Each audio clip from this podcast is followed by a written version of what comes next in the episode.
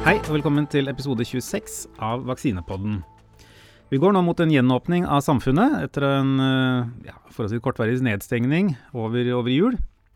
Eh, og mange av smitteverntiltakene våre er nå fjernet allerede. Og det ligger vel egentlig an til at de resterende blir fjernet eh, torsdag 17.2. Dette til tross for at eh, vi stadig egentlig har sett høyere smittetall. Det er fortsatt mye smitte i samfunnet.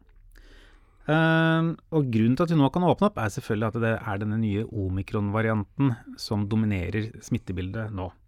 Så det er da en, en, virusvariant som har forbundet med lavere risiko for alvorlig sykdom, selv om, men den da smitter raskere. I dagens episode tenkte vi rett og slett å snakke litt mer om omikron og framvekst av nye varianter. Uh, hva som egentlig skjer når, når nye varianter tar over. Uh, og For å hjelpe oss med det, så har vi fått med oss uh, Olav Hungnes, som er seniorforsker ved Folkehelseinstituttet og ansvarlig for Nasjonalt influensasenter. Han jobber daglig med monitorering av både influensa og SARS-CoV-2, og rett og slett følger med på hvilke varianter av viruset er det som sirkulerer til enhver tid. Som vanlig er også Gunnar Grødeland med. Mitt navn er Even Fossum. Vi jobber som vaksineforskere ved Avdeling for immunologi ved Oslo universitetssykehus og Universitetet i Oslo. Så velkommen, Olav. Uh, Takk. Så for å starte litt med, med, hva er det egentlig, eller hvordan jobber dere ved Folkehelseinstituttet med å overvåke hvilke virusvarianter som, som, sirkulerer til enhver tid?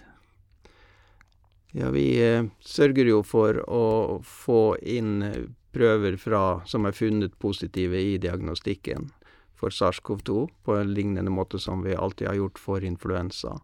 Og der ligger det en ordning som er forskriftsfesta, men også en kollegial ordning med at uh, vi samarbeider med laboratoriene i Norge og oversender. Uh, ikke slik at alle de positive skal sendes inn til oss, men et tilstrekkelig antall for å ha den følsomheten i overvåkingen som trengs. Og der, eh, Alt etter situasjonen så, så, skrur vi opp eller ned den følsomheten som trengs for å oppdage eh, varianter og, og trender på hva, hva, som øker og hva som minker. Mm. Så omtrent hvor stor andel av uh, de positive prøvene uh, Altså hva er variasjonen her? Tar dere mm. og ser på en prosent av de, eller uh, omtrent hvor ja. mye ser dere på? Ja, det har jo variert gjennom pandemien og sånn. og og, og, noen ganger så har vi lagt oss på at vi vil ha karakterisering av 25% av de positive, og så Eh, andre ganger så har vi ikke trengt så mye og sånn. Og, og når det, det, er veldig lite forekomst, så vil man jo prøve å få karakterisert alt det lille som foregår. Så der har vi forskjellige rigger som vi har justert opp og ned etter hvert, og etter hvert som eh, både i Norge og, og, alle andre steder, inkludert de stedene der det gjøres aller mest, så strekker man ikke til når smittetallene virkelig øker. sånn sånn som det har gjort nå med omikron. Sånn at det, det, vi ser nå, det er at andelen av virusene som vi får undersøkt, den går ned og ned, og, og, og, og ligger nå kanskje på mer rundt 5 eh, og, kan hende at den, den vil jo nå gå enda lenger ned når det er mindre av tilfellene som skal testes på laboratorier. Eh, for de som går på hurtigtester, der går det jo ikke noen prøver videre til det. Så men, men, det er kanskje nok. Det er jo ikke slik at man må måle temperaturen i hele havet for å vite hvor varmt det er. Det, det er et godt poeng. Men når du snakker om at dere kartlegger eh, disse virusene, da er det altså en helgenomsekvensering dere gjør? Altså der kartlegger man hele arvematerialet til, til bestemte virusprøver? Ja, det er hovedmetoden uh, som har vokst fram som dette med helgenomsekvensering på virus. Det er jo også noe som vi ikke har drevet med i veldig mange år, men det ble den foretrukne metoden. Også fordi at vi skal se forskjell på virus som på en måte er veldig nye. Det er kort tid siden det kom fra ett eneste virus, sånn at det, det er uh, i forhold til størrelsen på genomet og sånn, så er det ganske få forskjeller fortsatt vi snakker om på alle ja, SARS-CoV-2-virus. Så, så, derfor så trenger man, for å skille ordentlig mellom de, så trenger man å sekvensere mest mulig, og helst hele genomet, som er en, en, en streng som, som inneholder 30 000 datapunkter, da, eller 30 000 nukleotider eller bokstaver som vi på en måte bruker som måte å vise det på. Så, så det er eh, omfanget der. Ja. Og når du sekvenserer hele arvematerialet, så ser du jo både endringer som faktisk har en praktisk betydning, endringer som ikke har det, eh, og eh, ja, du ser alt i eh, alle proteinene på viruset. Enten det betyr noe funksjonelt eller ikke. Ja, og der prøver vi jo å ha, å, å, å ha den best mulige kunnskapen og forståelsen som hvordan tolke hva betyr disse forskjellene. Og noen ganger så kan vi bruke disse forskjellene bare til å si noe om slektskapet, uten at vi vet egentlig hva det betyr for virusets egenskaper. Så kan vi si at disse er så like hverandre i forhold til alt det som ligger omkring, at de antagelig har en smittemessig sammenheng med hverandre. Mm. Sånn at vi kan bruke det epidemiologisk. Men når vi skal bruke det til å si noe om egenskapene til virus, da trenger vi annen informasjon. Da trenger vi også data fra fra hvordan sykdommen har vært, og vi trenger data fra hvordan Eh, virusets biologiske egenskaper samsvarer med genetikken. Mm. Vi snakker jo nå om altså, at det er omikron som er tatt over. Uh, og ut ifra tallene som, som dere, dere, publiserer, så er det vel nå godt opp på 97-98, eller over det til og med, prosent av disse smittetilfellene som, som, er omikron. Men du var litt inne på det, så her er det jo variasjon også. Ja. Altså, Hvor stor variasjon er det egentlig innenfor omikron i Norge i dag? Ja, vi ser jo at det er eh, Det var jo allerede en del variasjon. Du hadde tre hovedgrupper, ble det ganske tidlig klart. Dette her det ble jo oppdaga sent i november, og allerede når vi har kommet sånn til begynnelsen av desember, så så man at det var tre hovedvarianter som skilte seg ganske mye fra hverandre, egentlig.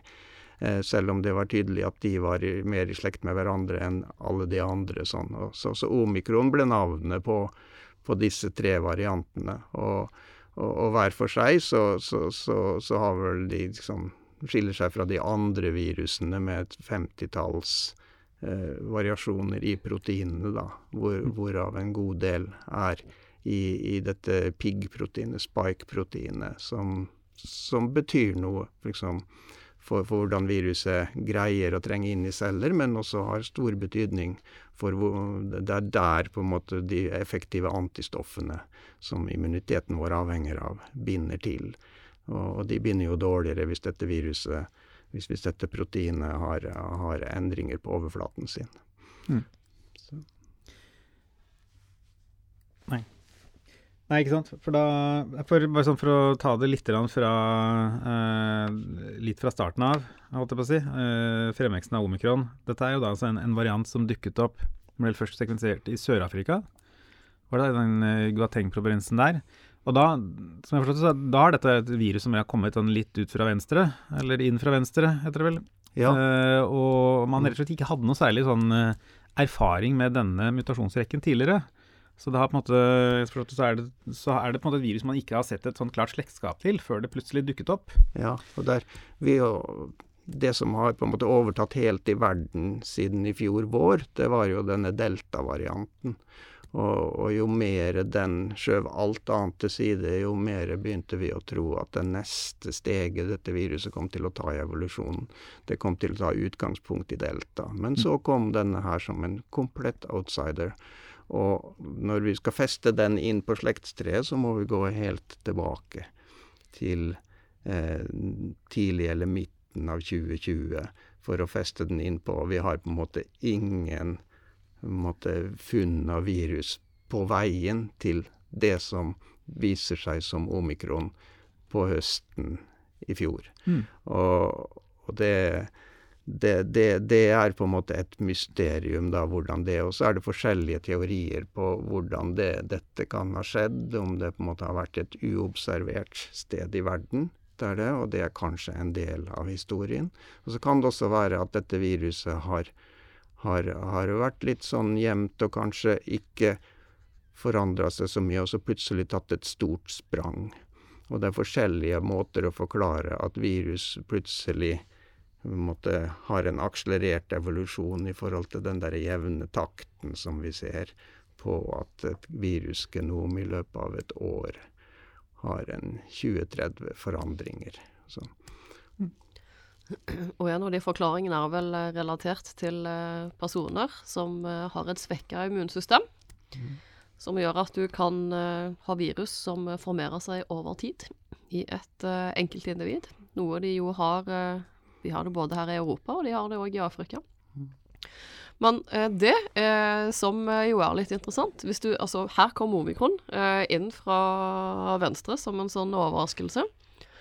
Og nå er det jo sånn at vel, omikron dominerer, og vi forventer at videre virus vil være basert på omikron. Likevel så har jo omikron i seg selv vært en påminnelse om at du aldri vet noe sikkert. Og det er jo vanskelig å si noe klart om sannsynligheten, men eh, du tenker det er mulig at vi får en eh, ny overraskelse inn fra venstre på et eller annet tidspunkt i framtiden? Ja, og dette er jo noe vi har sett i overvåkningen av influensa også. At det er, det er eh, sånne avkroker i, i, økologien, der kanskje ting kan ligge og gjøre, og, og ha tilstrekkelig med forandringer når det først uh, går, kommer tilbake på verdensscenen til at det, det måtte komme seg gjennom den immuniteten som er mot flertallsvarianten. At den typiske for influensa Det er jo ikke at den nye epidemien, den nye varianten som lager den nye epidemien det ene året, er etterkommer av den som gjorde det best i året før. Men det er heller at den kommer fra kanskje tre, fire, fem år tilbake. Og, og, har vært et eller annet sted i mellomtiden. Og, og fått lagt på akkurat så mange forskjeller at den kan uh, måtte komme seg gjennom Forsvaret som hele verdens befolkning har mot den gjeldende varianten.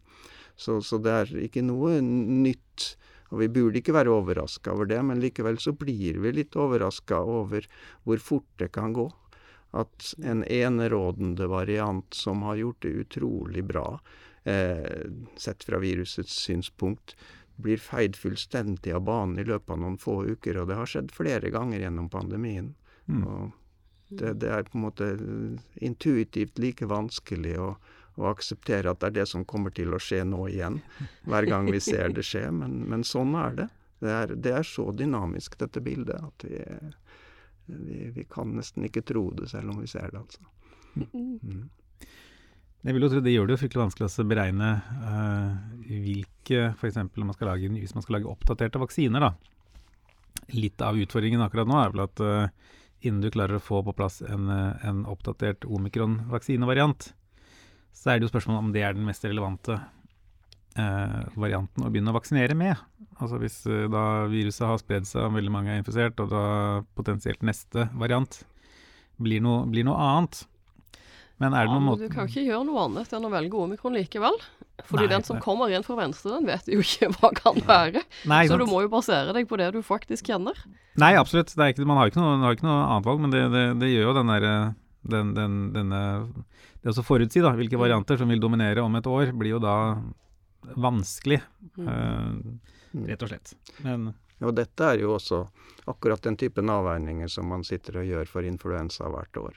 Mm. Og så, så, det er folk som på en måte har erfaring i å gjøre dette. Og vi kan jo på en måte være litt glad for at man ikke valgte å lage en ny vaksine mot delta. Mm. Fordi at disse virusene har jo beveget seg i det antigene rommet, så har de beveget seg i forskjellige retninger. Slik at den opprinnelige Wuhan-varianten som vi har i vaksinen nå, det er kanskje vel så greit å ha den for å gi beskyttelse mot omikron, enn om vi hadde hatt en delta-variant i vaksinen. Mm. Så det er, eh, men det er litt gambling. Men det hadde antagelig fungert, det også. Men eh, det er, det er, en mulighet for at den hadde fungert litt mindre dårlig enn den opprinnelige. Så, så det, er, eh, det er tricky, det der. Men skal man bevege noe nå, så, så, er det jo omikron som er den retningen man må gå. Mm. Nå ser vi jo veldig stor sånn omfattende smittespredning av omikron nå. og man ser jo, altså Det er jo noen forventninger at uh, veldig mange vil bli smittet uh, og oppnå immunitet.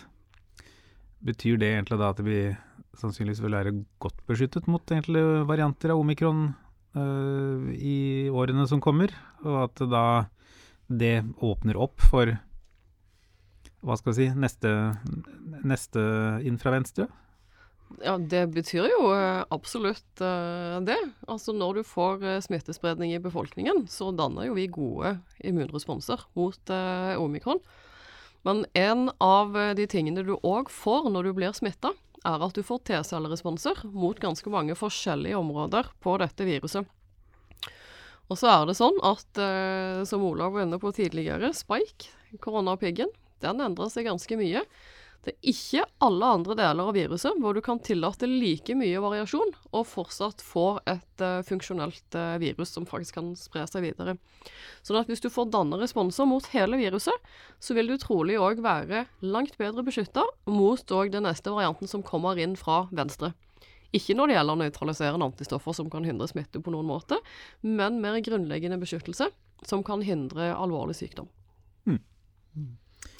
Og vi ser også at de landene som har kommet tidligst ut med store utbrudd med omikron, der topper det seg, og så går det tilbake. Så det, det, det, det oppstår en immunitet i befolkningen som gjør Og så gjenstår det å se, da, i praksis hvor lenge denne beskyttelsen varer og sånn. Men at det vil være en dynamikk der som, gjør, som tvinger viruset på retrett og holder det nede. Det, det, ser vi jo også her, så det er jo godt håp om. Men, men, det er litt vanskelig nå å si hvor lenge den beskyttelsen som holder epidemien borte, vil vare. Mm. Men uh, vi har jo godt håp om at den beskyttelsen som flere og flere av oss opparbeider, som gjør at vi ikke blir veldig alvorlig syke når vi blir smittet, der, der er det vel godt håp.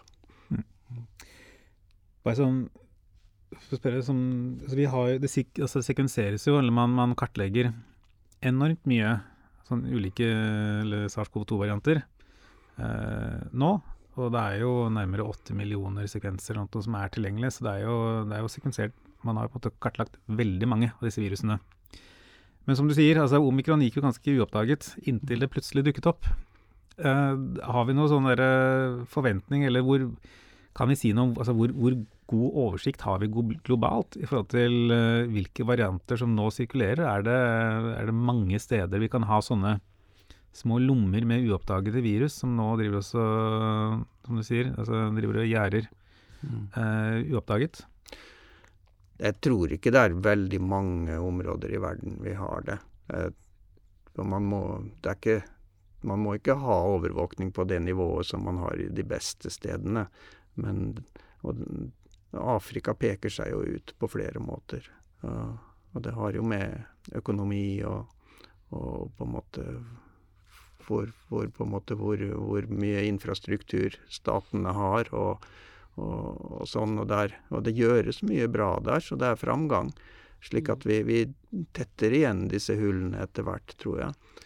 Sånn at vi, vi, vi står bedre rusta. Kanskje vi i Europa skal, skal, holde på litt mindre framover, men samtidig sette inn støt for at det gjøres mer i de, i de stedene der det er mindre dekk. Altså, jeg, jeg, tror egentlig, jeg er optimistisk på at det, det, vil bli færre og færre slike huller i det globale måte, nettet som vi fanger disse virusene i.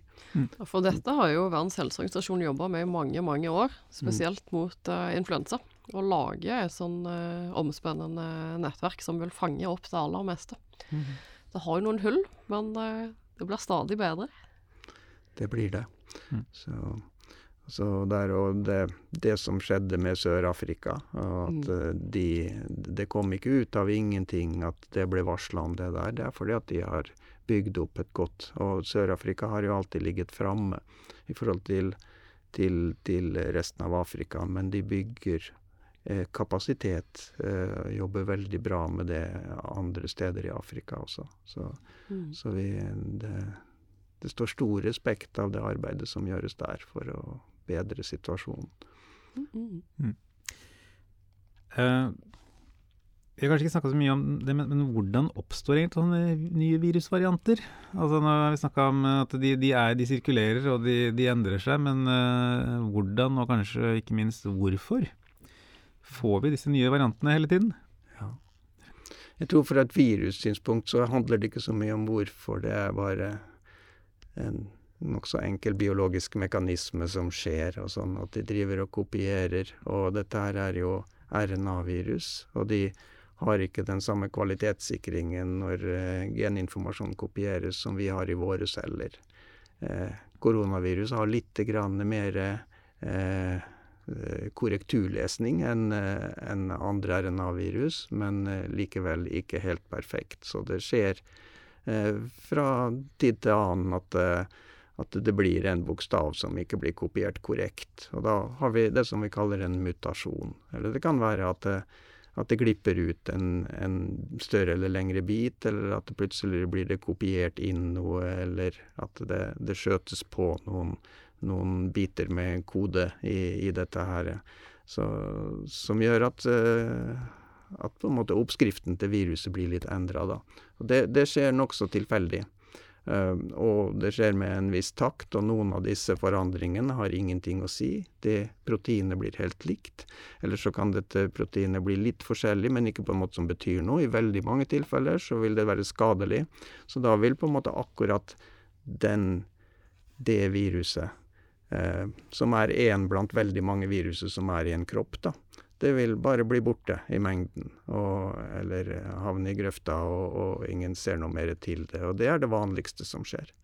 Men så er det noen som får et lite fortrinn, eller har veldig flaks når det smitter over de få partiklene som smitter over til et nytt individ. Og da kan du plutselig få at det er et virus som har forandra litt. Og det kan være helt tilfeldig, det trenger ikke være bedre eller dårligere. Eller det kan være at det konkurrerer ut de andre fordi at det faktisk er bedre. Og det er disse vi ser som kommer som nye varianter, mm. det, det, er de som har et konkurransefortrinn.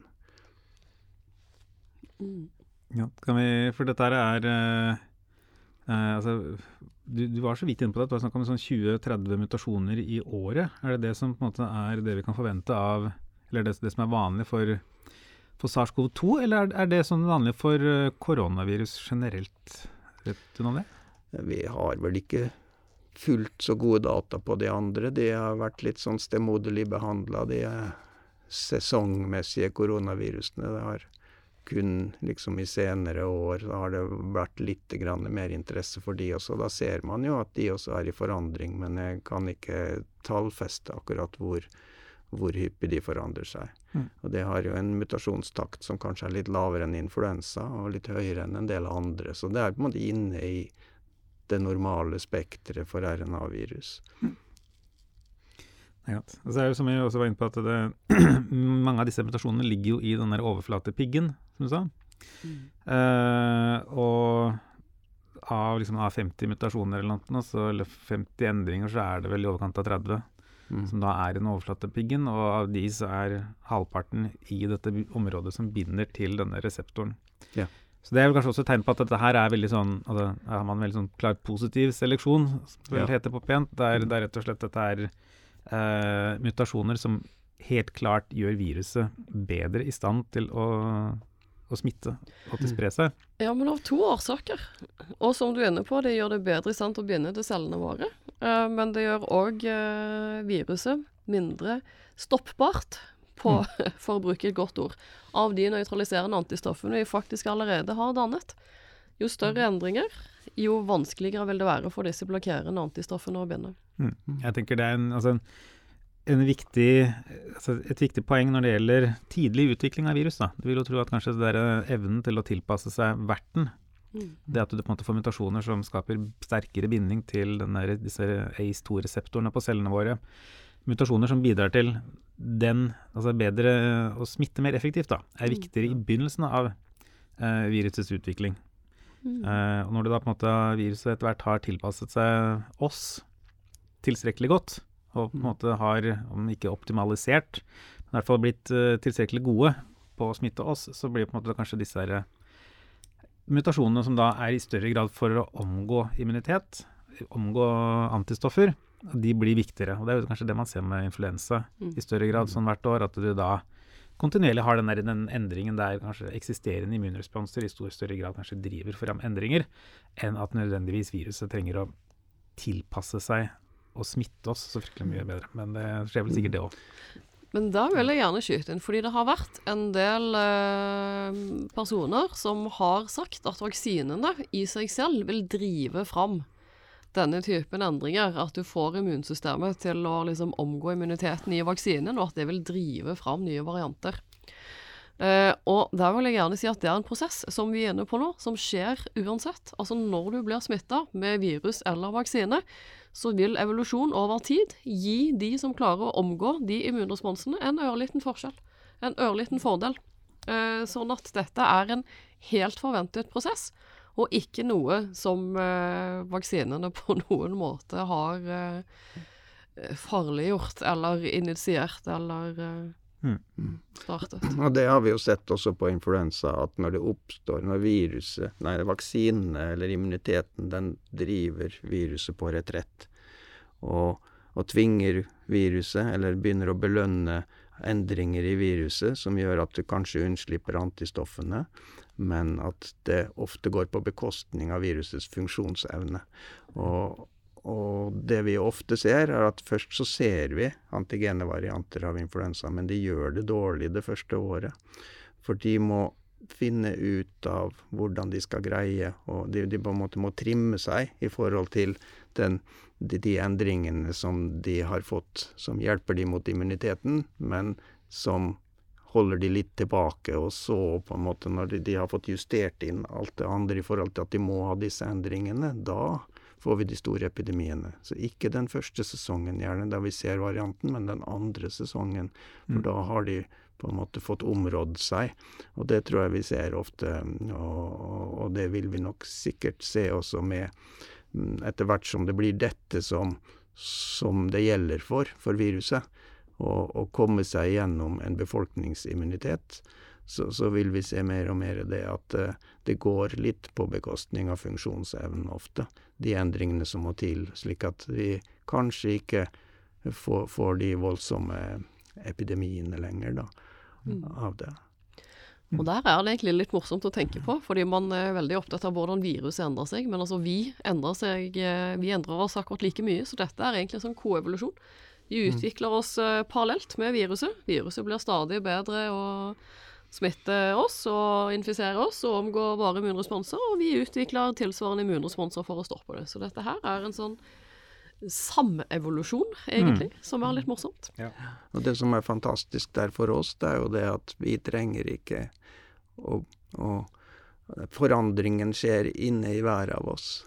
At, at immun Vi har en genetisk evolusjon av immunapparatet vårt som gjør at vi kan overleve som individ og ha en evolusjon av, av immunresponsen vår mm. som, som, hjelper oss. Sånn at vi Immunsystemet er fabelaktig.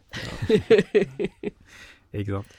Nei, men altså, hvis man skal summere opp det, da, så blir det jo det at vi både immun, altså immunresponser fra enten vaksinering eller tidligere infeksjon vil selvfølgelig bidra til, å, uh, til at virus kan utvikle seg over tid. Men det er på en måte viktig å påpeke at dette er noe som skjer ved smitte, og det skjer ved vaksinering. Så da, da, da er det mye mer hensiktsmessig å opparbeide seg denne immuniteten gjennom vaksinering fremfor smitte, uh, gitt at det har en mye lavere risiko for den enkelte. Um, så vidt litt sånn at du, du er jo også uh, sånn ansvarlig for influensaovervåkning.